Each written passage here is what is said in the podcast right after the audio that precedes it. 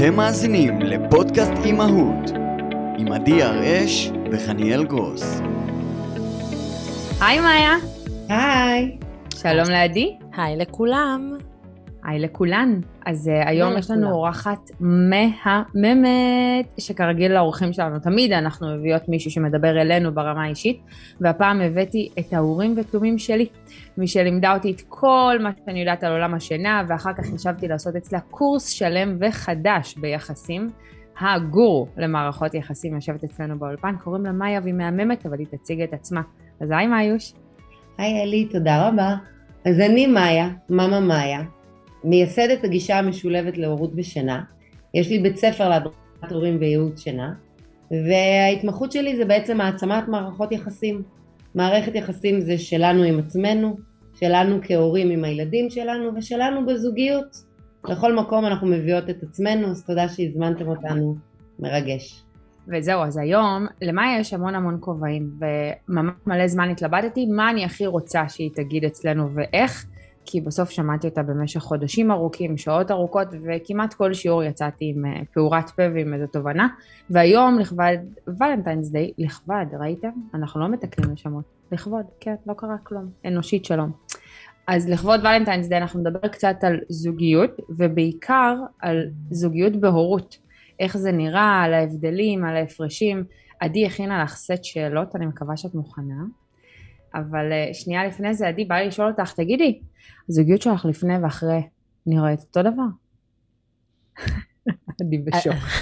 אני מנסה לחשוב, כי מאיה אמרה על מלא אה, זוגיות, אני מנסה לחשוב אם זה עם עצמי, עם אה, יואב, ובאיזה כובע, אבל בשום כובע זה לא, לא נשאר אותו דבר. אה, מלא מלא גלגולים.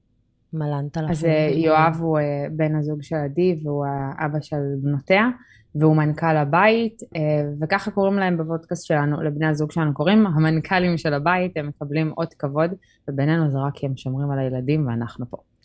אז מאיו, ספרי לי קצת רגע מה זה אומר בכלל זוגיות, שנייה לפני ילדים. בעינייך כמובן. בעיניי זוגיות, הדבר הכי משמעותי הוא, הוא, הוא להבין שבכל מערכת יחסים יש לנו מה שאני קוראת לו גשר לקשר, יש קשר בין בדרך כלל יותר מאדם אחד, זה כבר גשר לקשר, זוגיות זה אבחון אה, מאוד מאוד ספציפי לאותו גשר לקשר, זאת אומרת גם מול הילדים שלי אין לי זוגיות, יש לי יחסים, עם בן אדם אחד או אם אתה פולי אמור אז אתה בוחר עם מספר אנשים לכונן סוג מסוים של גשר לקשר שמכונה ספציפי זוגיות. עכשיו אם הולדת ילדים עם אותו אדם ספציפי שאיתו כוננת את הגשר לקשר זוגיות משם גם תנבע הזוגיות בהורות. יאללה, מהמם. עדי, מה בא לך לשאול את מאיה? כי אם אני אתחיל, הלך עליכם. מאיפה להתחיל? מעצמנו? הכי קרוב אלינו. הכי קרוב אלינו. Uh, הבחירה שלנו בבן זוג, בתת מודע, יש לה קשר לזוגיות ההורית שלנו? זאת אומרת, מתי זה מתחיל? Uh, זה מתחיל בין השנייה הראשונה שעינינו הצטלבו, או אחד החושים האחרים, זה גם יכול להיות חוש ריח, אחד החושים החזקים שעובדים בזוגיות זה דרך אגב אה, לא רק ראייה זה גם ריח. אה, וזה יכול להימשך אה, ממש בין הפגישה הראשונה לשלוש חמש פגישות הראשונות כאשר אנחנו מאוד מאוד מושפעים מזוגיות אחרות שראינו בחיינו. יש אנשים שהזוגיות המשמעותית שלהם זה ההורים שלהם ויש כאלה שמאוד מושפעים מסבים וסבתות או איזה שהם אחים גדולים זה בדרך כלל יבוא מהמשפחה הקדמונית שלנו, לא המשפחה החדשה שנקים, אלא המשפחה אליה נולדנו, משפחת המקור. ומאוד חשוב להבין משהו, שרוב חוקרי הזוגיות בעולם, כאילו אם יש איזשהו קונצנזוס שרובם כולם אומרים שבתוך זוגיות אנחנו בדרך כלל מתאהבים באיזושהי תכונה שאני אוהבת להגיד בריח זיהינו אותה מהבית, אוי את זה אני מכיר, זה ריח שאני מכיר, מנגד התכונה הזאת היא בדרך כלל התכונה שהכי מושכת אותי ואחרי איקס זמן זאת תהפוך להיות התכונה שהכי מעצבנת אותי. ולמשפט הזה, אני אתן לכם פנינה על המשפט הזה, קוראים לה כל תכונה היא כמו ירח, יש לה צד אפל ויש לה צד זורח. מה שבהתחלה נראה לי זורח, הוא זורם, הוא לארג', הוא בליין, איזה כיף, הופה, הוא בזבזן, הוא לא אחראי, יש לו חורים בידיים, הכסף לא נשמר אצלו, כל תכונה היא כמו ירח, צד אפל, צד זורח. מעניין. עכשיו, מתי את באמת חושבת שמתחילה זוגיות הורית? כי יש לי... יש כאלה שחושבים שזה כאילו רק כשיש ילדים, ואני אומרת שעצם ההחלטה מולידה זוגיות הורית. אני מסכימה איתך במאה אחוז, ולי יש ילדים נוער, ואני פוגשת חברות לקפה, והן אומרות לי פעם ראשונה שאנחנו צריכים לקבל החלטות בזוג. נוער, ילדים בני וואו. 15 עם התמודדויות קשות. איך יכול להיות? איפה הבעל היה 15 שנה? אז זהו, תודה על ההבנה שאני נוטה להגיד מה, איפה דחפת את הבעל, לא איפה הוא היה, איפה את דחפת אותו. אני מתחברת מאוד למה שאמרת. הזוגיות בהורות מתחילה כשאנחנו מתכננים להרות, אפילו לא כשהרינו, בגלל שאנחנו יודעים שהיום יש הרבה משפחות שקשה להם להרות. ולכן נכון. הזוגיות בהורות מתחילה כבר בשלב הניסיונות. איך אנחנו מתמודדים עם הצלחות, איך אנחנו מתמודדים עם קשיים.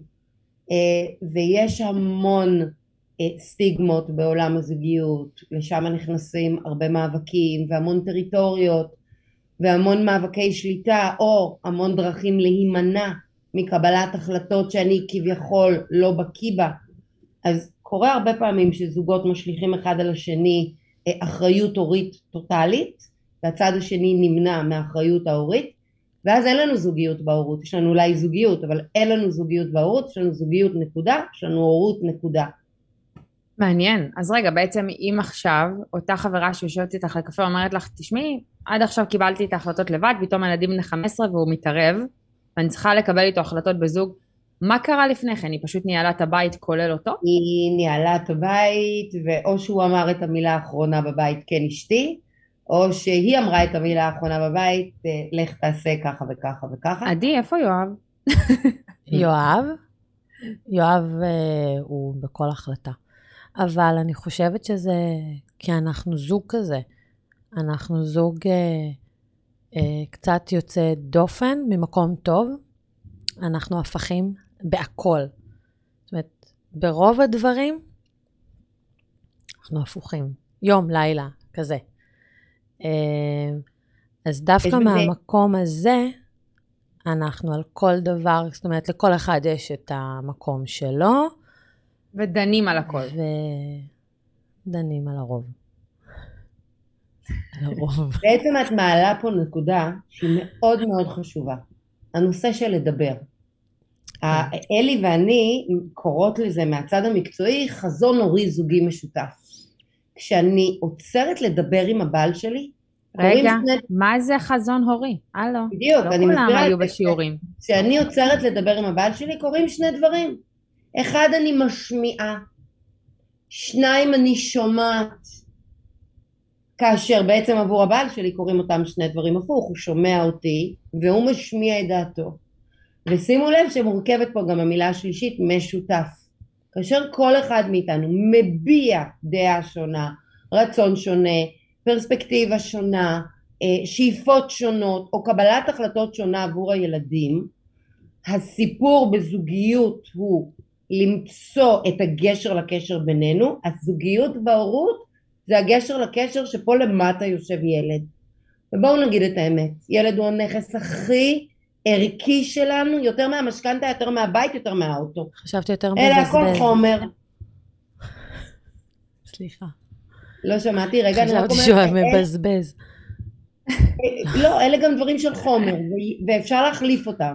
לעומת ילד שהיום, גם אבות, הברכה של שנת 2020 ומעלה, זה שהאבות מעורבים ורוצים להיות אבא משמעותי ומשפיע. לאבות יש אינסטינקטים, הם רוצים להביע אותם.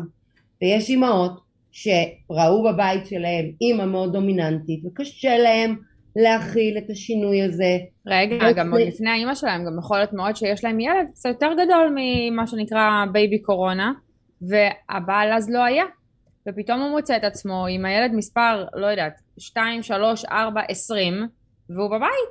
ופתאום הוא חווה את הקשיים, ופתאום הוא נמצא, אבל זה ממש כבר קונפליקטים, כי בינינו להגיד חזון הורי זה נחמד. זה החלפת חוזה.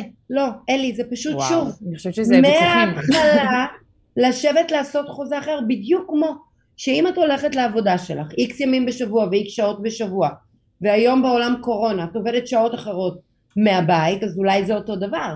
אבל אם כל הפרויקט השתנה והעבודה השתנתה, אז גם משנים תנאי שכר וקוראים שוב לשיחות לגמרי, הערכה. אבל זה לא קורה כזה חלק בזוגיות, וזה גם לא כזה cold cut, זה עם הרבה מאוד רגשות באמצע. אני... זה הקושי. אני חושבת, אלי, שאני יכולה להגיד פה, אה, שהקורונה בישראל טרפה פה הרבה קלפים בהרבה משפחות. אה, הרבה אה, הורים עכשיו, גם אבות המון בבית וגם אימהות חלק. זאת אומרת, המהפכה הזאת היא שהורים יותר בבית כי יותר קל לעבוד, מגזרים שלמים עבדו הביתה. זה שבבית לוקח על עצמו הרבה יותר, וזה לא משנה מה היה לפני שנתיים. זה מצב נתון שונה היום, אה, ויש התמודדות אחרת לגמרי היום. אני יכולה להגיד אצלי שהיה לי בן זוג אה, דומיננטי באווירה, אבל לא פיזית, היום הוא הרבה יותר פיזית בבית ממני. תראי, אני חושבת שאני מתחברת כל כך למה שאת אמרת. אמ, יש את הדיון הזה על חופשת לידה. שזה לא חופשה, זאת עבודה כל כך... חופשת לידה. תודה, בכוונה העליתי את זה. זו עבודה כל כך חשובה ו- ו- ומאתגרת. מה שבעצם קורה זה שגברים לא חוו חופשת לידה, וההורים כזוג עוברים שנתיים של קורונה בבית, כמו חופשת לידה אחת ארוכה. לעתים זה לשלושה ילדים, לאו דווקא לאיזה newborn. אחת הדילמות הקשות זה אם ילד אחד נדבק, אם ילד אחד לא נדבק, אם מפרידים ביניהם, אם נשארים ביחד, הורה נדבק, הורה לא נדבק, מפרידים... אז רגע, באמת, מה קורה כשהורים לא מסכימים? כי הורים לא מסכימים, נקודה. תראי את עדי ויואב, הם הפכים גמורים. נראה לי כל זוג שאני מכירה הם קצת הפכים.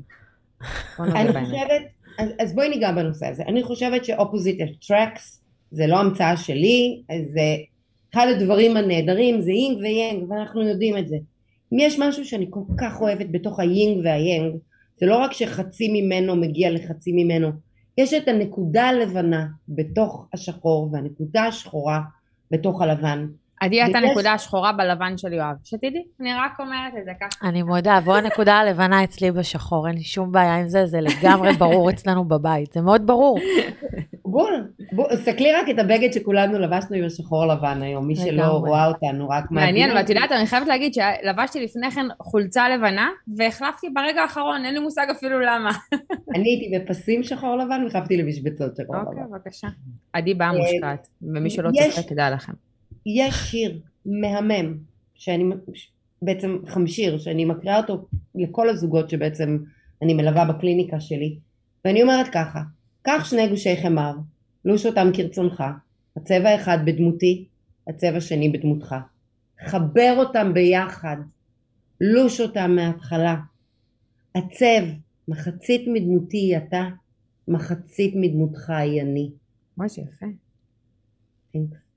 עכשיו נתת לי רעיון לכרטיס ברכה ל Valentine's Day, הקרב ובא. לחלוטין, ואם תרצי אני אקליט לך את זה ותוכלי לכתוב. אני לא זוכרת... סליחה? יהיה לי את ההקלטה של הפודקאסט, מה זאת אומרת? אני לא זוכרת מי כתב את זה, זה לא שלי, אז, אבל אם הייתי יודעת מי כתב את זה, הייתי מיד אומרת... מי שכתב את זה, תכתוב לנו, ואנחנו כמובן ניתן לך זכויות יוצרים, או לך, כי אולי אישה כתבה את זה, זה יפה מדי. אבל אני רגע, אני רוצה לשאול את עדי, ובא לי, דווקא עדי שאלה, עדי ואני שוחחנו לפני הפרק, וכזה החלפנו שאלות, וחשבנו מה לשאול אותך, וכי זוגיות זה באמת משהו שאפשר להקליט עליו כנראה 30 פרקים ולא אחד. נכון. ומה את חושבת שקורה באמת כשמישהו משנה מסלול חיים מהותי, ערך, הופך לצמ... לצמחוני, לטבעוני, חוזר בתשובה, מתאסלם, אה, רוצה לעבור מדינה, רוצה להישאר במדינה, מה, כאילו, מה אז? כי הרבה מאוד בתים חושבת... קצת מתפרקים. בדיוק, אז אני חושבת ש... שאלת אותי לפני כמה דקות, אה, אה, מה עושים כשלא מסכימים, או כל אחד חושב אחרת. זה בדיוק אותה הדוגמה, רק פשוט על משהו קיצוני. יש אנשים שעל... אם הילד ישתה חלב רגיל, או חייב חלב אה, סויה או חלב שקדים או חלב עיזים כאילו המובמנט הטבעי לתזונה טבעית שבשבילם החוויה היא כמו להחליף אה, מקצוע או לעבור מדינה. אוקיי. Okay. שני אנשים, בין אם הם שונים, בין אם הם דומים, בין אם הם תאומים שגדלו באותו רחם. לעולם ועד תהיה להם דעה שונה. וזה הדבר הראשון שאנחנו צריכים להבין. רגע, אבל זה מעבר לדעה. עכשיו, אם, אם עכשיו אני חוזרת בתשובה, mm-hmm. ומתאהבת בעולם הדת, והופכת mm-hmm. לחרדית, הבית מושפע. זה כבר מעבר לזה אם לקפה שלי כן. יש חלב פרה, או חלב ניגר, או חלב סויה. קודם כל אנחנו צריכים לקבל החלטה שאנחנו מבינים שכל אחד מאיתנו רואה אחרת. חלק גדול מהזוגות עסוקים בשלב הרבה יותר קדמוני מזה, אלי. הם עסוקים בהאם אני צודק, האם אני טועה. אין פה צודק וטועה. אם אני התאהבתי בדת ואתה לא, זה מה שנכון לי. יש השפעות מאוד מאוד משמעותיות על המשפחה הצודקת, אבל השלב הראשון הוא שלב הקבלה, הוא שלב ההקשבה, הוא שלב היכולת לראות שהבן זוג שלי משתנה ולהבין שהחיים משנים אותנו. לי יש מאה אחוז אחריות על איך אני מגיבה לשינוי שלו, או הוא יש לו מאה אחוז אחריות איך הוא מגיב לשינוי שלי. איך אני מדברת אליו. זה החלקים הקריטיים. עוד לפני שאני מתמודדת איך זה משפיע על הבית שלי וזה משפיע על הילדים שלי. כאשר רובנו בשלב הזה ישר קופצים להשפעות על הילדים. אבל אני, אני רוצה רגע להשחיל איזה מילה, כי אנחנו מדברות פה, אה, אני בעיקר מקשיבה, אני מרגישה, אה, על, על איזושהי תוצאה סופית. זאת אומרת, אם הלכנו לקיצון, אה, לא ביום את מתחרדת. זה מגיע הרבה, הרבה, הרבה לפני. זה ההתחלה הזאת של, סתם, דיברתם על הדת, אני מוכנה לזרום על זה, אני יכולה להגיד, אפילו מהבית הפרטי שלי, אה, יואב בן אדם שאוכל בשר, והוא קיבל אותי כצמחונית. אה, שזה... ואת קיבלת אותו כאוכל בשר. אבל רגע, זה לא אותו... כזה שינוי מאמי, כי הוא קיבל אותך מלכתחילה ככה, אבל מה שנייה. קורה אם שניכם הייתם קרניבורים, ופתאום יום אחד את טבעונית? שנייה, שנייה. אני יכולה להגיד לך שכיואב, כאוכל בשר, עם השנים אוכל פחות ופחות בשר, כי יש no. איזושהי אידיליה בתוך הבית, ושוב, זה לא בכפייה. אני מכינה, הילדות שלי אוכלות בשר, ואני מכינה ואני קונה. אני חושבת שהיה איזושהי אה, הבנה, אני חושבת שיואב כשראה אותי בפעם אחת מסוימת מבין המון פעמים, שהוא ראה את הדרך שאני נוגעת בבשר, הוא פשוט לקח את זה עליו, הוא אמר, ממי, עזבי, זה יש שלי. יש איזושהי קבלה, לא בסוף, בהתחלה, כי גם אם הוא... אגב, אני קיבלתי את יואב עם בעל חיים, שאנחנו כולנו יודעים שזה אה, פחות הכוס קפה שלי. עוז, אני מאוד, אה. מאוד מקווה שהקלטת רגע לפני שהתחלנו את זה שהיה לידי חתול על השולחן. נכון, זה קשה לי. והבחורה סימרה וזה נורא קשה לי, ולצערי, ברגע שהכלב שלנו, אה, הוא נפטר, הייתה החלטה, ואני עומדת עליה, לא יהיה בעל חיים בבית. אני קיבלתי את זה, ועכשיו מקבלים את ההחלטה שלי. אני רוצה לשאול אותך מה את אומרת. עכשיו תמשיגי את זה. את הרגע דיברת רגשות. עכשיו תמשיגי, מה ייחודי בזוגיות שלך ושל בן זוגך? שלי ושל יואב? Mm-hmm. אני יכולה לתמצת את זה, כי צמחונית והוא אוהד בית"ר. לא. אז אנחנו נתמצת את זה ממה שאמרנו. קודם כל יש פה קבלה של האחר.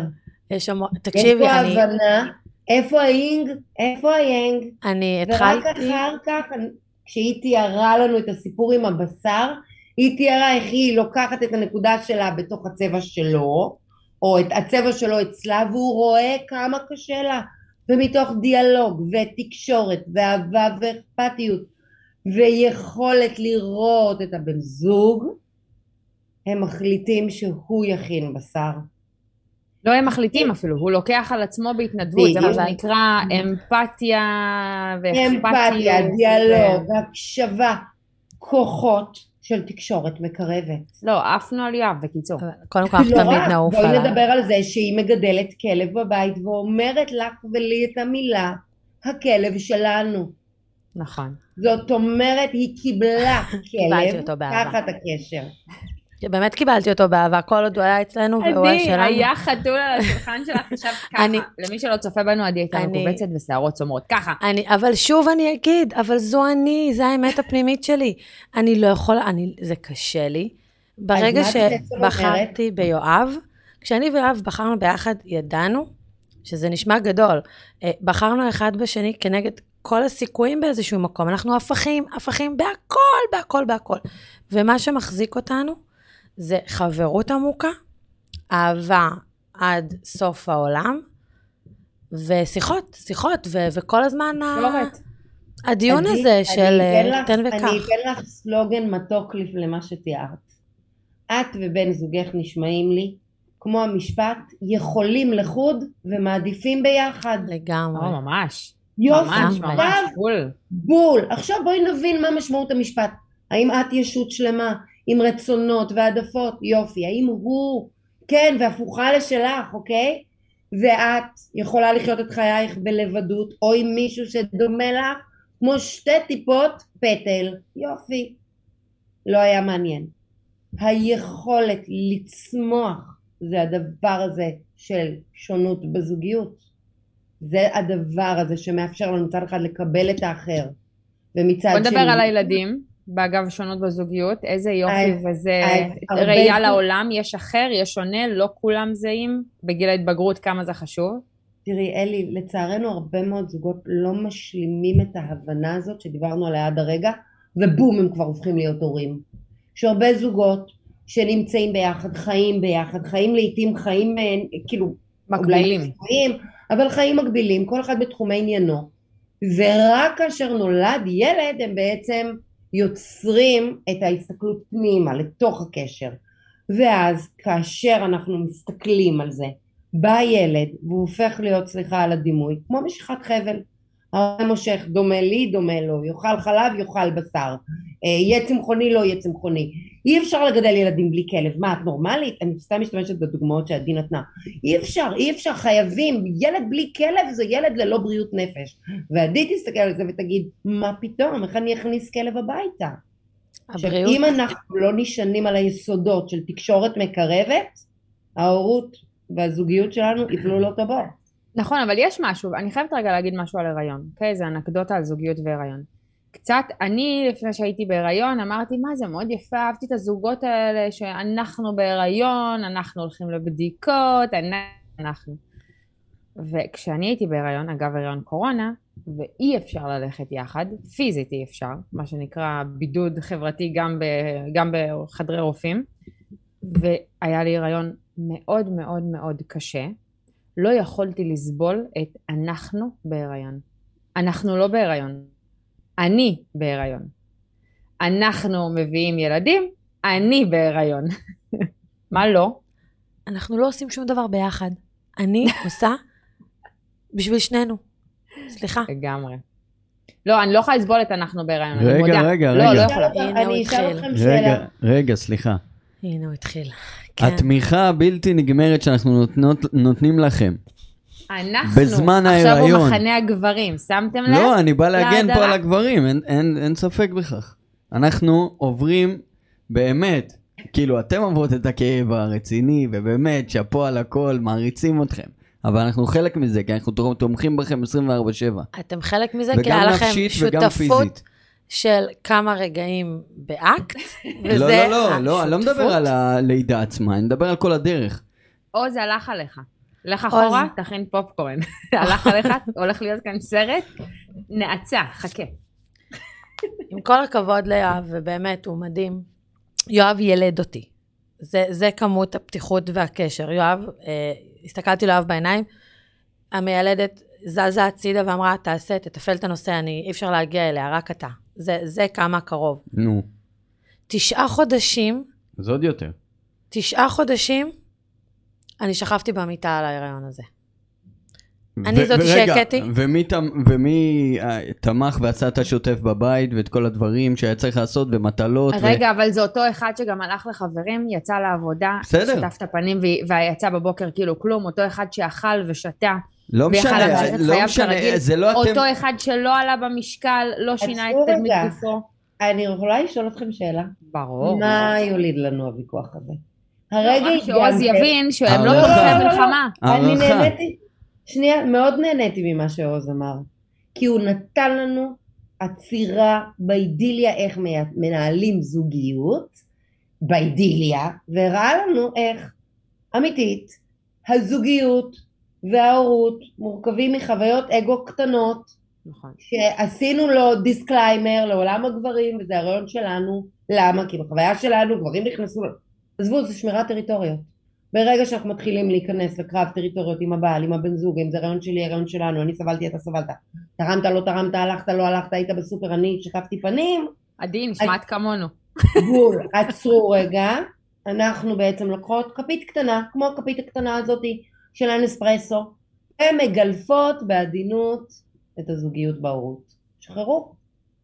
הדבר הראשון שלנו הוא שאנחנו לא מחלקים טריטוריות. נעים לך להגיד שזה שלנו, נעים לך. ביום שרע לי, בבקשה אל תגיד שזה שלנו.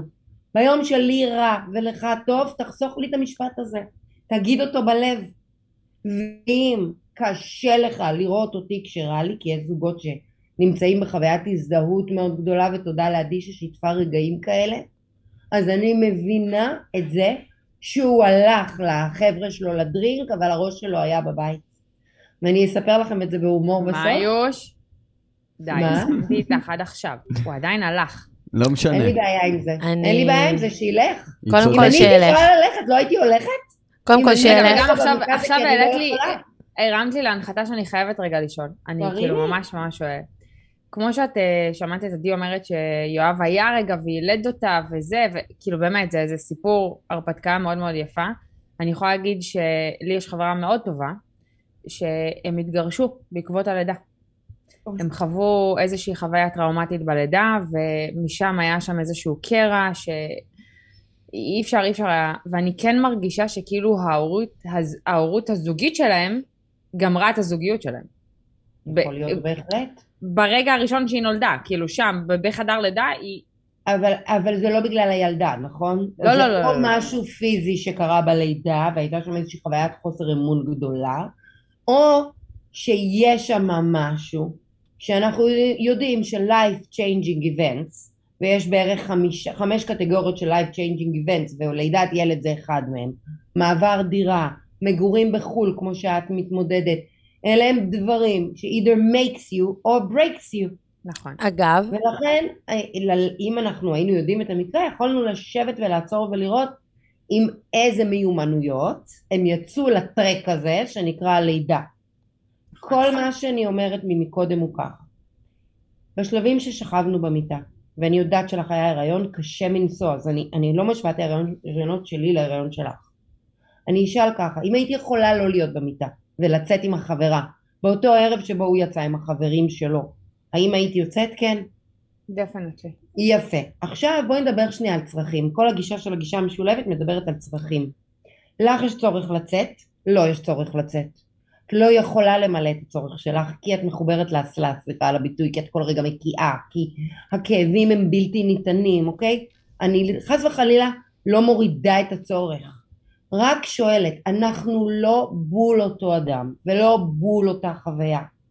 ולכן בהיריון ובהורות הדבר האידיאלי שקרה בחמישים שנה האחרונות הוא השינוי הזה מחלוקה דיכוטומית שר החוץ שר הפנים אחראי על הכסף אחראית על הילדים ככה זה היה פעם להיום הצצה כל אחד לעולמו של האחר ואני יכולה לאפשר לו לצאת בטוב ליבי או לאפשר לו לצאת בעיני הצרה הרי הוא יצא לדרינק בכל מקרה כנראה כי לשנינו יש צורך ואחד יכול.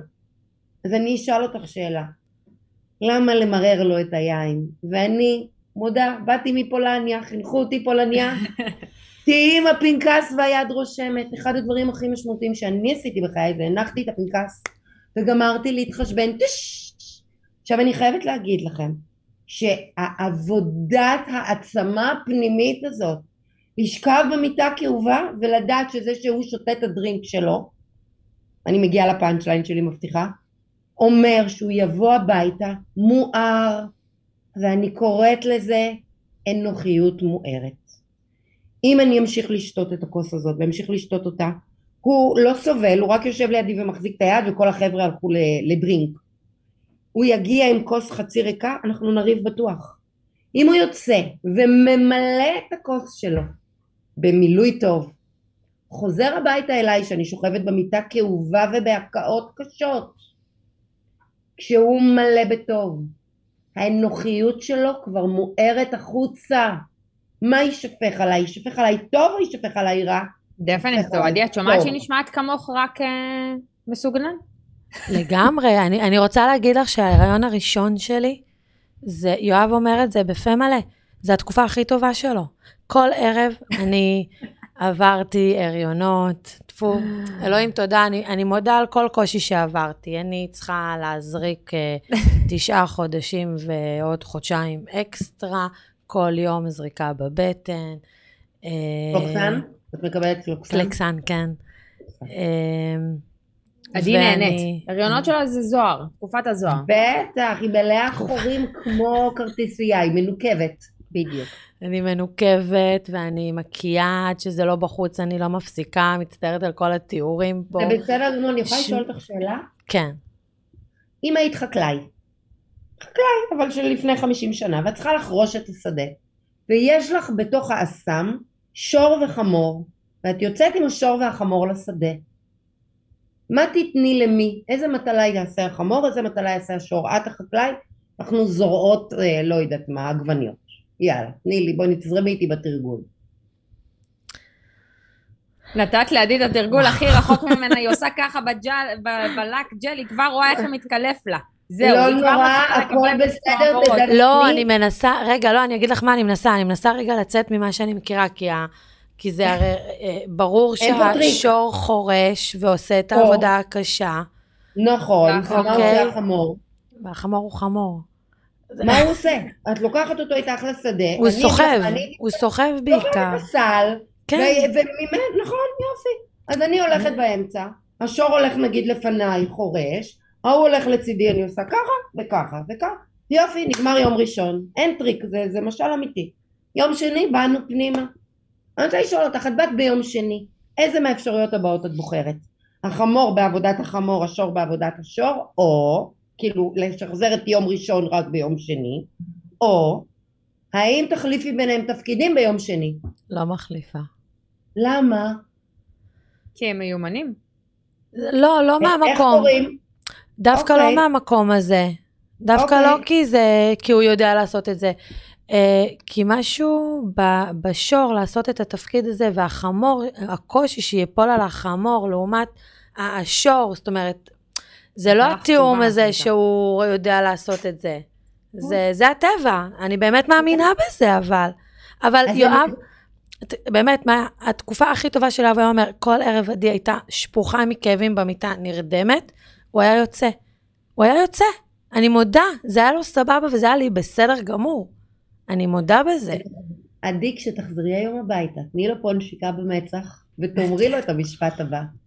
אל תשים על חמור משקלו של שור. זה המשפט, משפט בודהיסטי, קדום, שמתאר במשפט אחד את עולם הזוגיות.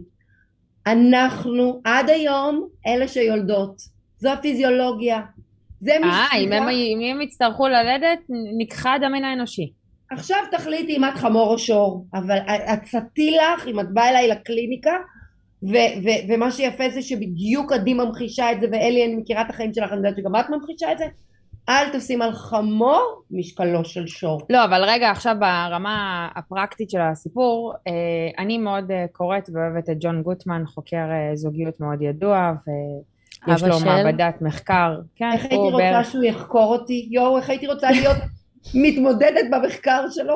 הייתי רק רוצה להיות זבוב על הקיר במעבדה, זה כל מה שבא לי להיות. אבל אני. כן יכולה להגיד שאני אימצתי, אה, שיניתי הרגלים מה שנקרא, עשיתי אה, אחר מהמוכר והידוע לי מהבית שלי, ואימצתי ריטואלים שהוא המליץ עליהם, אה, וברמה הפרקטית של הדבר מדובר על 17 ל-20 דקות שיחה ביום, שיחה, המטרה שיחה אמיתית, בגובה העיניים, כמו שאני אומרת לילדים, ככה גם בגובה העיניים אה, לבעלים, לנשים, ל- לא משנה מי, כשאנחנו בלי מסכים, רגע מדברים, לא משנה אם זה דיבור על תפעול בית ומשימות, כי יש הרבה, אה, ולא משנה אם זה דיבור על חמתי, גיסתי, השכנתי, חברתי, רק בכדי לדבר. קצת מגע, ולא מדובר כאילו מגע סקס. מספיק שיהיה שם חיבוק ותהיה שם נשיקה ויהיה איזה ליטוף ויהיה משהו, עדי מחייכת. עדי זה העולם שלה, נשמה. תני לה, היא לא. הבינה את הקונספט. אה, זה גם העולם שלנו, כי אנחנו כל כך מאמינות במגע. קול, מגע, שילוב קול ומגע. נו, הגענו לגמרי. זה מהות הגישה השם שלו.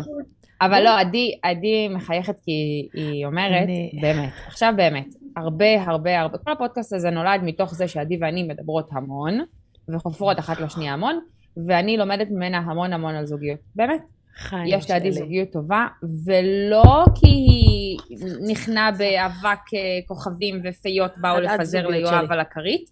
היא עובדת קשה על הדבר הזה, והיא עובדת באמת עובדים, קשה, נניח- עובדים, לא עדי עובדת עובדים. רגע, אבל אני מדברת איתך. ועד אני שאני עפה עלייך, בכל הפרקים אני נכנסת בך. אחד, אבל אני אשאל קיבלת אותך, אחד. אני אשאל רק את המילה עובדים. איזה ריח יש למילה עובדים? שלילי או חיובי? חיובי לגמרי אצלנו חיובי. בבית. מסכימה? חיובי. מי שאוהב את העבודה שלו, מביא לזה ריח חיובי. תודה רבה.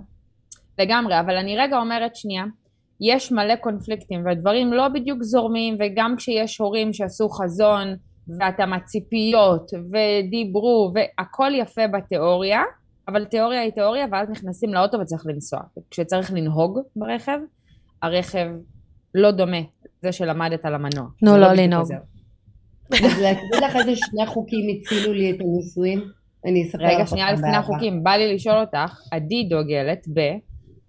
זה מה שאני רוצה כאן ועכשיו מתוך איזה יצר, לדוגמה, לחברה שלנו, כמובן, אני שואלת בשביל חברה, זה לא... זה לא לנו בשביל- זה לא קורה, כמובן, לא. לנו אין דברים כאלה, אין מושג מה את רוצה לשאול. אבל כשחברה שלנו התמודדה עם איזה מקרה עם גיסתה וחמתה, שגיסות וחמות כולנו יודעים מאיפה הן מגיעות, נכון? מאותו כוכב לכת, אז אצלי זה אמרה- החברות הטובות שלי, אז קשה לי הדיאלוג הזה, כן? לא, לא, חמתה של, באמת עכשיו בואי רגע נדבר על, באמת, אה, בעלה של מאיה קוראים לו לירן, ולמאיה יש זוגיות ארוכה וטובה, אה, וכל הפולנים שיוציאו עכשיו דגים ומלח ולא יודעת מה. אבל גם אני עבדתי. ואימא של. לירן, אימא של לירן היא היוצאת דופן. היא לא החמה הממוצעת הנמכרת בשוק או בטינדר. שכחו מזה, לכן לא מביאים אותה לדוגמה. אני מתנצלת, רוחלה נשיקות ואריכות ימים. אוכל לא אוהבים אותה רד שלה ביוקר. את לא רלוונטית במקרה הזה, אבל מה השאלה? כשעדי לא ואני. דיברנו על חברה. את יודעת, אימא שלי חמות פולניה, קלאסית, נהדרת, אבל נשבעת לך. מה, היא אוהבת את, אח... את... יש לה אותי ואת uh, אחי. היא אוהבת את אשתו של אחי, כאילו היא בת שלה. וגם אם לא, מבחינתי זה בסדר. לי זה בסדר גמור, זה, זה לא על חשבון אהבה אליי. אין לי בעיה עם זה שהיא אוהבת אבל. רגע. בא לי להגיד לך משהו. באמת ש... א', לא הבאתי את המקרה שלך כי אני מכירה אותו לעומק, ואני יודעת שהוא החריג, אבל כשעדי ואני דיברנו על מקרה של חברה שלא נוגע בנו, אז עדי אמרה משפט שוואלה, מהדהד לי, מודה. והרבה. מאוד פעמים אני משתמשת בו בהדרכות הורים כשמגיעים קונפליקטים בדמות סבא, סבתא, שכנים, אנחנו גרים אצל ההורים וכאלה. מה אמרתי? שזה בסדר מה שאני חושבת עליה כאדם, וזה סבבה לגמרי שהוא יודע את המציאות על המשפחה שלו. אם אני אטיח לו את זה בפנים, זה לא יעזור ולא ישנה אותם. אם אני אטיח לה בפנים, זה לא יעזור ולא ישנה אותה, ואני אפסיד מזה. שכחי מזה. זאת היא, מודה לה על זה שהיא גידלה אותו, תודה רבה, נשיקות חיבוקים, מודה לאחותו על זה שהיא מקסימה ונפלאה וטובה בתור אחות, וממשיכה ללכת. זה משהו שלי לקח, בואו, אני, שקראתי וחקרתי ולמדתי, לקח לי שנים להגיד, לא שלי, להתכוון. ביי, לא שלי. אז זה כמובן, אה, זה מה שאמרתי?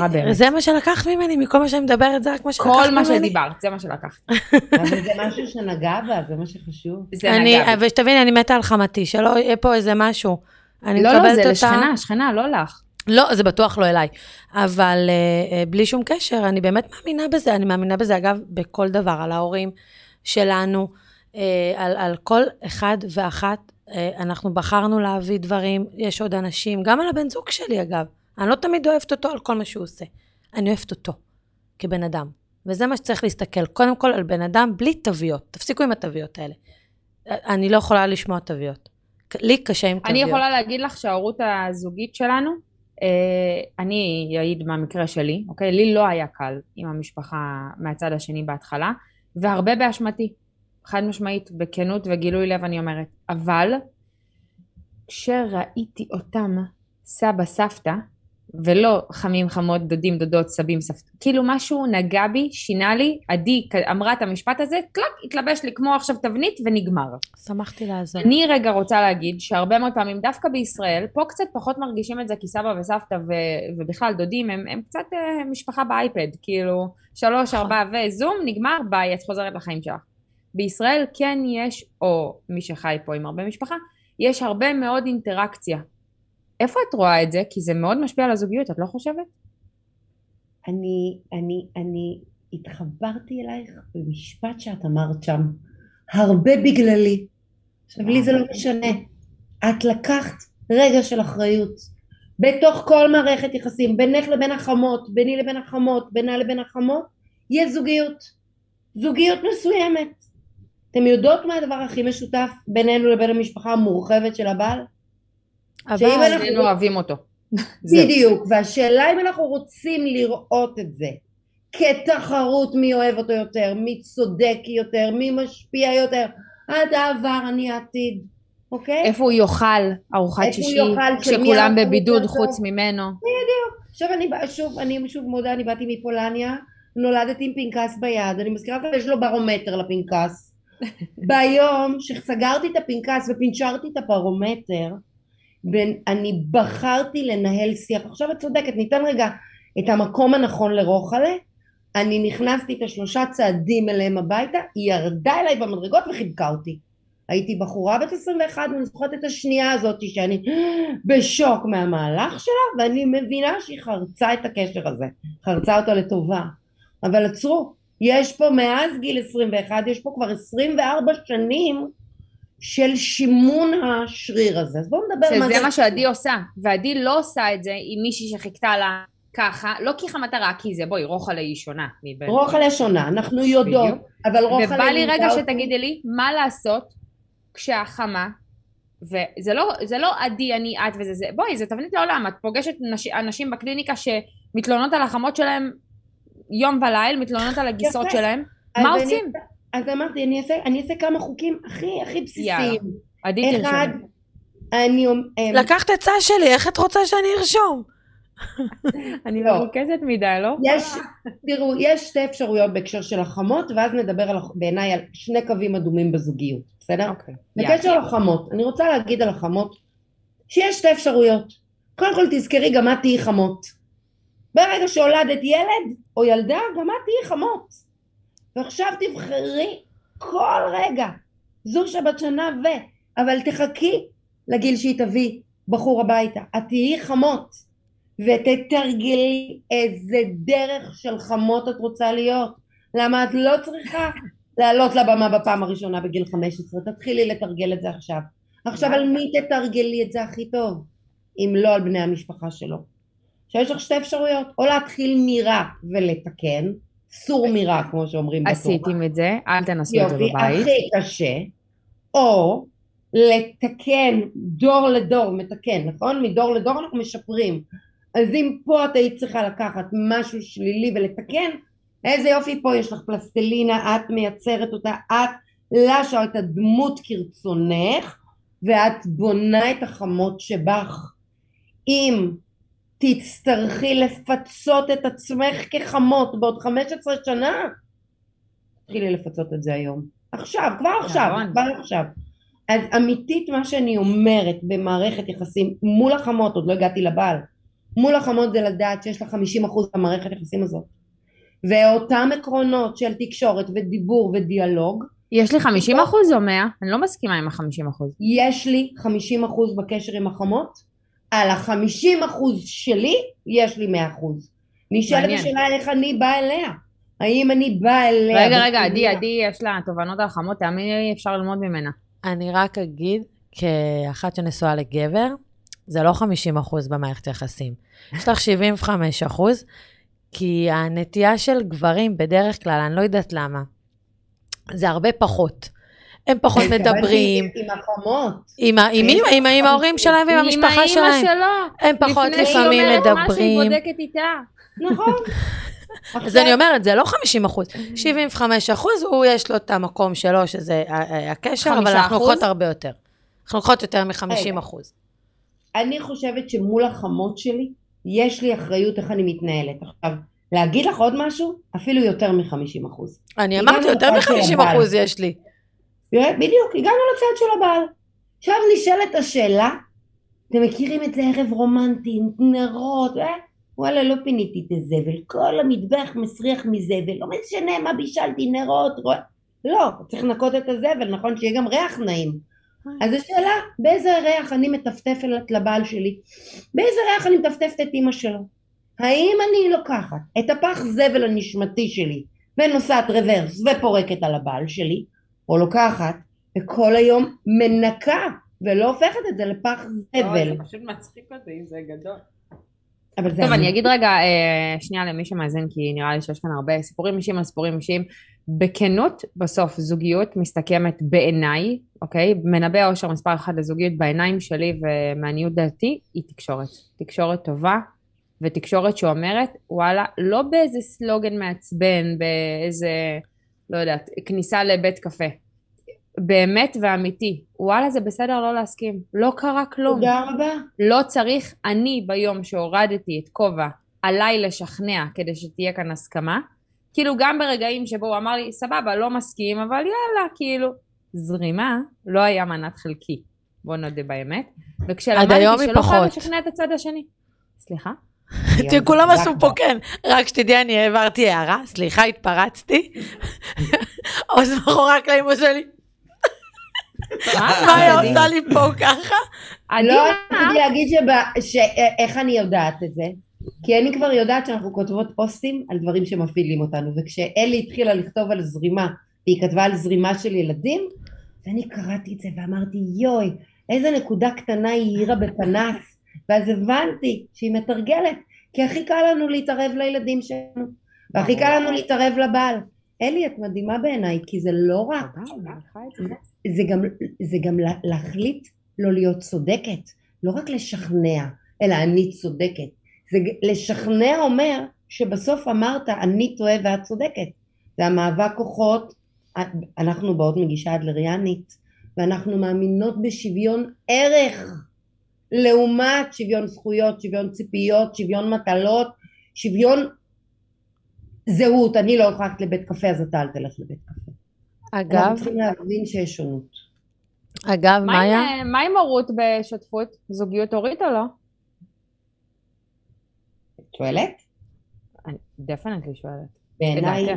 הדבר שהכי דורש זוגיות והורות זה שני סוגי זוגיות הבאה. או אלה שמחליטים להרות ילד ולא לגדל אותו תחת בית אחד, זאת אומרת כה-הורות למיניהם, או ההורים המתגרשים. זאת אומרת, ועכשיו ההורים המתגרשים זה עוד יותר קשה, כי אם לא הצלחנו לתקשר כזוג ואנחנו מפרידים את הזוגיות, אז עכשיו אנחנו עוד צריכים לתקשר ב-best well-being לילד.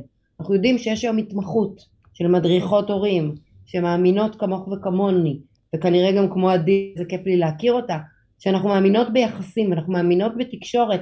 הרמת תקשורת הכי גבוהה מתוך הגשר לקשר זה זוגיות עם ההוא שפירקתי איתו את הזוגיות. או הזוגיות בהורות עם זה שפירקתי את הזוגיות. אגב, לא מאיה, אני רוצה להכניס למשוואה הזאת שאלה. אה, הורים לילדים עם צרכים מיוחדים, עכשיו לאו דווקא, זה יכול להיות מחס וחלילה מחלות, אה, ספקטרומים, אגב, ילדי שילוב, כל מיני בעיות התפתחות. זאת אומרת, גם שמה זה יכול להיכלל לתוך המטריה הזאת שאמרת? כמתגרשים ו... בד... לחלוטין פה יש להם אפילו שלב מקדים שלב הפצצה שלב ההלם שלב הגילוי בשלב ה... שוב זה כמו ה-five changing uh, life event changing ש... שבישראל אנחנו למשל יודעים ששכול של הורים באזור החיילים וכולי משנה לחלוטין את הזוגיות כנ"ל אה, צרכים מיוחדים או תאונה או רגע של גילוי אה, ילד אבחון על ספקטרום או לידה, או לידה שקטה. לידה שקטה אנחנו עדים אה, הנה, רק המקרה הכי מפורסם שמופיע בשנה האחרונה זאת עדן הראל ובעלה עם התאומים, עם הלידה השקטה, שהיא אומרת זה לא היה מדובר, הכאב לא דובר, הכאב לא נפרק, וזה פירק מערכת יחסים שהם ביחד מגיל 16. לא כל עדן אחד הראל. את היית. בשם, את היית בשם, זאת לא עדן הראל. נכון. זאת לא עדן אה, הראל. לא עדן? הראל, לא אה, יודעת. ירדן. ירדן הראל. ירדן הראל, צודקת. סליחה. אני, אני מדייקת ואומרת, כואב לי הלב עליהם, כי כל אחד מהם בנפרד, ועל זה שהם עברו את הקושי הזה, שבסוף נגמר בפירוק המשפחה. אגב, גם דיכאון אחרי לידה. גם דיכאון אחרי לידה וגם דיכאון של גברים. אחד הדברים הכי לא מאובחן זה דיכאון של גברים אחרי לידה. לגמרי. דיכאון אחרי לידה. כשיום יבוא ואני אעשה מחקר, זה יהיה המחקר שלי אגב. דיכאון. אצל גברים אחרי לידה. אני יכול לתת עדות אישית? תמיד.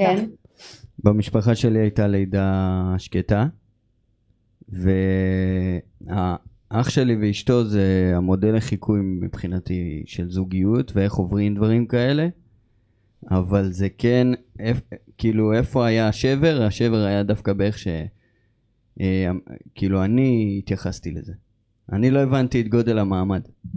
הרבה לא מבינים, אגב. אבל, לא זה אבל, ולא אבל, אבל, דיכאונות. אבל הזוגיות שלהם רק התחזקה. כאילו למראית עין לפחות. זה בדרך כלל. וזה הדבר הכי נוראי, אני לא אאחל את זה לאף אחד לעולם. ברור. ברור, ברור. זה קושי. היום מדברים על הדברים האלה. היום. פעם זה לא היה מדובר. פעם לא. זה לא היה מדבר. טוב, אז ככה לסיכום, רגע, מאיו, שאני אגיד באמת שלא הספקנו לעבור על רבע מהשאלות שעדי ואני הכינותי מראש, כי אני כרגיל, רוצה להגיד את הקווים האדומים שלי. החיים הם. החיים. שנייה לפני קווים אדומים, בא לי שעדי דווקא תשאל שאלה אחת שעוד לא שאלנו וחשובה לה לשאול, ואז קווים אדומים וכל אחד נעשה סבב. מה לקחת? אז יאללה, עדי. דברי. מה בא לך? עפנו עלייך בפרק הזה. אני לא יודעת, ויש לי מלא דברים. מה, בא לי שתהיה חברה הכי טובה שלי. דרך טלפון אגב, אתן שלי. כנראה אותו דמות, מה שנקרא אותה גברת בשינוי אדרת כזה. אמ, יינג ויאנג. וואו, אה, אה, אה, אלי, תנסי להיזכר, יש לי מלא דברים. בראש, אני, ההפרעה, זזה. אין בעיה. אז אני אתן את השלושה קווים שלי. ואני מניחה שזה יעורר אצלך משהו. אז אני אומרת שלושה קווים, קראו להם לבנים, אדומים, שחורים, שמבחינתי הם היסודות שצריך לשמור. אלי, בצורה מדהימה, את נגעת בראשון, ואת קראת לו מה שאנחנו קוראים לו התקשורת המקרבת, הדבר הזה של לדבר והדיאלוג, ויש כאלה שיגידו שזה עבודה וכולי, אז אני אמשיג את זה במשפט אחד. אל תחפשו זהות ואל תחפשו שוויון. יש לנו בזוגיות מה שנקרא שוויון ערך. לי יש את הזכות להיות בטוב ביותר שאני יכולה, ולך את הטוב ביותר שאתה יכול. לא תמיד זה בדיוק אותו דבר. ולכן תעבדו על הציפיות שלכם ועל המטלות שלכם ועל הזכויות שלכם ובעיקר תייצרו שוויון בהשקעה, בנתינה, באהבה, בהרעפה, מלשון להרעיף רגשות, אוקיי? מהמקום הזה של פרגון ורגש כן תצפו להדדיות. תחפשו את המילה הדדיות, זה הקו הראשון שלי שמדבר על תקשורת. יאללה, קו הקו מספר השני שתיים. שלי מדבר על מצבים שבהם אנחנו לא מסכימים. במצבים שבהם אנחנו לא מסכימים, יש לי שני טיפים בשבילכם. אחד, קוראים לו BBB, כמו המבורגרים, BBB. בית בית בית, ביטחון, בטיחות ובריאות. תסכמו את שלושת הקווים המנחים. מבחינת כולם לרוץ לכביש זה מסוכן, אבל בואו, אקמול זה טוב או לא טוב? זה בריאות, אוקיי? שבו לדבר על הדברים הקטנים האלה, מה יקרה בזמני מחלה של הבית בית בית. עוד חוק ששייך לחוסר הסכמה, נקרא אצלי הדבר הזה של הולכים עם המחמיר. זאת אומרת אם יש מישהו שעולים לו הרצפטורים הפנימיים והוא לא יכול להכיל, תנו לו שזאת תהיה הטריטוריה שלו, הולכים עם המחמיר. נגיד אם מישהו מאוד מאוד מופעל וואו, זה טיפ ממש חשוב, באמת. לתת צ'אנס כי זה מייצר חוסר איזון, זה מכניס חרדות ומתחים, לתת עם המחמיר, זה העצה שלי בחוסר הסכמה. והדבר השלישי נקרא חוק הגיבוי ההורי. חוק הגיבוי ההורי כבר מדבר על זוגיות מול הורים. חבר'ה, חוק הגיבוי ההורי מתבטל בבית בית בית. הילד רץ לכביש, אני לא עוצרת וחושבת על בעלי. אני רצה לתפוס את הילד שלא ירוץ לכביש, אוקיי? אז זה מתבטל בסכנות. ויש אי אלו דברים שהבן זוג שלנו אומר לילד, ולא מתאים לי באותו רגע, והייתי אומרת אחרת, הוא כעס ולא הייתי כועסת, הוא הבטיח ולא הייתי מבטיחה, הוא אפשר משהו שאני לא רוצה לאפשר, או הוא מנע משהו שמבחינתי זה מובן מאליו. אנחנו כל הזמן מתקנים אותם ומעירים להם, והרבה פעמים האישה עושה את זה ממקום של ידוענית, או עכשיו הגברים אה, שנמצאים יותר בבית, אוקיי, שחררו את זה. אני באה ואומרת חוק הגיבוי ההורי. אם נכנסת לחדר ובן הזוג אמר משהו, תעצרי תבדקי אם זה בית בית בית או מחמיר. אם זה לא בית בית בית ולא מחמיר, back off. לפעמים אני ממש מסתובבת, עושה ככה, כאילו אני לא שומעת והולכת. וואי, כמה מצוין. דוגמאות טובות יש לנו של יואב ויציאות חכמות מאוד. באה למדריכת הורים, אין, אין לתאר. בדיוק. לפעמים אני קוראת לזה, הופה, הסתובבתי וחזרתי. כאילו, הופה, יצאתי מהדלת הזאת, נכנסתי מהחלון. עזבו. זה נקרא חוק הגיבוי ההורי, וזה אחד הדברים שכשלומדים לתרגל אותו, אחד הדברים הכי קשים בעיניי בזוגיות, אבל כשלומדים לתרגל אותו, אז יש לו דובדבן בקצפת, ואני קוראת לו הכרת תודה. היום שאנחנו יודעים לזהות את זה בתוך הזוגיות, הרגע הזה שאני אבוא לבעלי ואני אגיד לו, תודה שאפשרת לי לטעות עד הסוף. ראיתי בעיניים שלך שאתה לא מת על מה שעשיתי, תודה על זה. זה רגע מעצים זוגיות. וואו, זה מהמם. וגם בא לי להגיד שאני רוצה להגיד בקטע הילדי של הסיפור, זה שכשילד, אני נכנסת, ואני, אין מה לעשות, אני תמיד אהיה האימא כי אני האימא והוא האבא, אני נכנסת ולוקחת את המושכות, מעבר לזה שפגעתי בזוגיות שלי, גם פגעתי בילד. שברתי לו את הדמות הבטוחה, הידועה, המוחזקת של אבא שלו, כי מה בעצם אמרתי בין השורות? אני אני לא. סומכת על אבא שלך, גם אתה אל תסמוך עליו. תודה. אתה זקוק להגנה מאבא, בוא תראה איזה מזל שבאתי אני. טובה תקראתי. אותך מאבא. טוב, יאלוש, סבב מה לוקחים? כי עדי, אני רואה את ההפרעת קשב וריכוז רצה לה בראש, אז הכינותי מראש להגיד לכם שמאיוש תבוא לפרקים נוספים על שינה ועל הדרכת הורים, יש לה בית ספר באמת שמשנה חיים לאימהות ולנשות מקצוע. אז מאיה, אני ברמה האישית שלי, את uh, באמת עשית לי טוב על הלב שאת באת לפה, ואותי את מלווה בדרך מאז, אגב, שאני בהיריון, אז uh, את מלווה אותי בדרך גם המקצועית וגם האישית, וזה המקום להגיד לך תודה, ותודה שבאת, ותודה שאפשרת לי גם ללמוד את הגישה המשולבת ששינתה לי את ההתבוננות, ודווקא מהמקום שאני מגיעה נכון, אני uh, בדיוק כמו כולם התחלתי באדלריאני, אבל אני יכולה להגיד שהגישה המשולבת לקחה את העולם האדלריאני, המאוד מאוד יציב ובטוח שהכרתי, ולקחה את העולם המונטסורי ששם שקיקתי, נשמתי וליבי, ועשתה איזה מיקס אנד מאץ' ושמה משהו באמצע. אז אה, מי שעוד לא מכיר, רוצו, רוצו, רוצו להכיר את מאיה אה, וחיבוק ממני. עדי, מה לקחת? קודם כל אני רוצה לקחת את מאיה איתי. קודם כל אני רוצה לקחת את? מאיה. מאיה זה. מחמאה מאוד גדולה, עדי שונאת אדם. חס זה וחלילה. לא נכון, תראה איך היא מדברת עליי ככה. תראה. היא- היא שונאת אדם ושונאת בעל חיים, אז מה נשאר בעצם? לגמרי, בבקשה. עוד נשאר? לא- לא אני אוהבת את יואב. עדי, את אוהבת זוכרת את שאני עובדת. על תמצות, אז צריך מילה. מה? מאיה. את מאיה. אה, לא, אני, אה, קודם כל אני, אני שמחה שאני בדרך הנכונה בזוגיות שלי. אני מרגישה שאני עוד ועוד מחזקת אותה ומתחזקת בה. אה, מה אני לוקחת? אני לוקחת את החברות שלנו. אני חושבת שבסופו של דבר גם פה יש זוגיות, אה, גם אני ואת זה סוג של זוגיות. אה, וחברות, אני חושבת שהמפתח הבטוח הוא החברות, כי בחברות את יכולה לטעות, ואת יודעת לסלוח, וזה תמיד יותר קל לסלוח לחברה, מאשר להרבה אנשים אחרים. אני חושבת שזה סוד שכולם צריכים לזכור. בסופו של דבר אנחנו צריכים לחיות עם מישהו שאנחנו אוהבים אותו כבן אדם וכחבר. זהו, סיימתי, סליחה. יאללה, מאיוש, מה לקחת? ומתומצת, כי עדי לא הבינה את המשמעות של המילה תמצות. ביקשתי סליחה. קודם כל לקחתי את האנרגיה פה, שאני חייבת להגיד לכם שכל כך נעים להתארח. איזה כיף. ממש. הזרימה של שלושתכם, אני יודעת שאני רואה רק שני פרצופים ועדיין יש את הכל במראה, אז הדינמיקה בין עוז. שלושתכם, בדיוק. עם, עם הקשר המשולש הזה, תענוג, הב- הבית שהקמתם הוא מדהים. ושנית, אחד הדברים שאני לקחתי ושהפתעת אותי, זה הכיוון של השיחה של החמות. כי מבחינתי אני תמיד מסתכלת על זה כאילו קשר ישיר של כלה וחמות, ובעצם החיבור דרך ההתייחסות אל הבעל, ומה הוא אשם איך אימא שלו, הוא בקושי מצליח להשפיע על הילדים שלו. אז, אז, אז, אז החומר שאני ארהר בו זה המשך נקודות החמות, יאללה. אה, שזה עולם מרתק מבחינתי. אה, הכי מרתק כי הוא גם הכי זר לך, אוקיי? את לא את לא אה, שייכת אה, היה אליו. לי חבר לפני לירן, לא סבלו אותי. די, מה היו שעם חבר לא גידלתי ילדים? אז נכון, נא אבל בבקשה. עדיין אני זוכרת את זה כחוויה צרובה בנשמתי. יאללה. אז אה, נא לערער ולחזור. אלינו עם תובנות אחרי שהרהרת, כי התובנות שלך תמיד משנות את החיים של אחרים. עוז יקירי, בתמצית, מה לקחת? גבר קל, הוא מתמצת מלכתחילה. מה מה לקחת? אה, טלפון. הריון.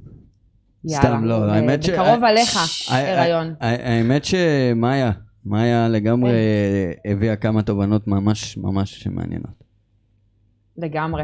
טוב. אני אגיד שמעבר למילה מאיה, שאותה כבר לקחתי מזמן ולשארית חיי, אה, אז קודם כל תודה, ודווקא אני לוקחת אה, את הגיבוי ההורי. בתור אשת מקצוע מאוד מאוד קשה לפעמים, אני כאילו ישר רואה את ההשלכות ואת הנזקים, ובא לי לזכור שעליי להיות שם אה, שחקנית במגרש הזה ולהסתובב וללכת, כמו שקראת לזה. אז תודה על היום, ויום אהבה שמח. אני אוהבת אותך בזוגיות שלנו, עדי, אני אוהבת גם אותך בזוגיות אני. שלנו, ואהבתי עלייך היום. עוז יקירי, תודה על ההזדמנות אה, לפודקאסט הזה בזכותך ובזכות האולפן בפודקאסט סטודיו. וכולנו. במלא מקומות, אנחנו במלא מקומות. ברור, אה, איפה אפשר לשמוע אותנו בכלל? איפה את מושמעת? אה, עדי בהלם. אני אגיד. בספוטיפיי. פודקאסט. הופה, there you go. אנחנו משתפרים, עוז. יוטיוב, ספוטיפיי, פייסבוק, אינסטגרם. תשלחו לי שאני אעלה את זה גם, נכון? בטח, בטח, ברור, יוטיוב, כולם. פייסבוק, Spotify, Apple Podcast, Google Podcast, בכל מקום אפשרי, אנחנו שם. אז. נשיקות מיוש ונתראה בקרוב. ביי. ביי. ביי.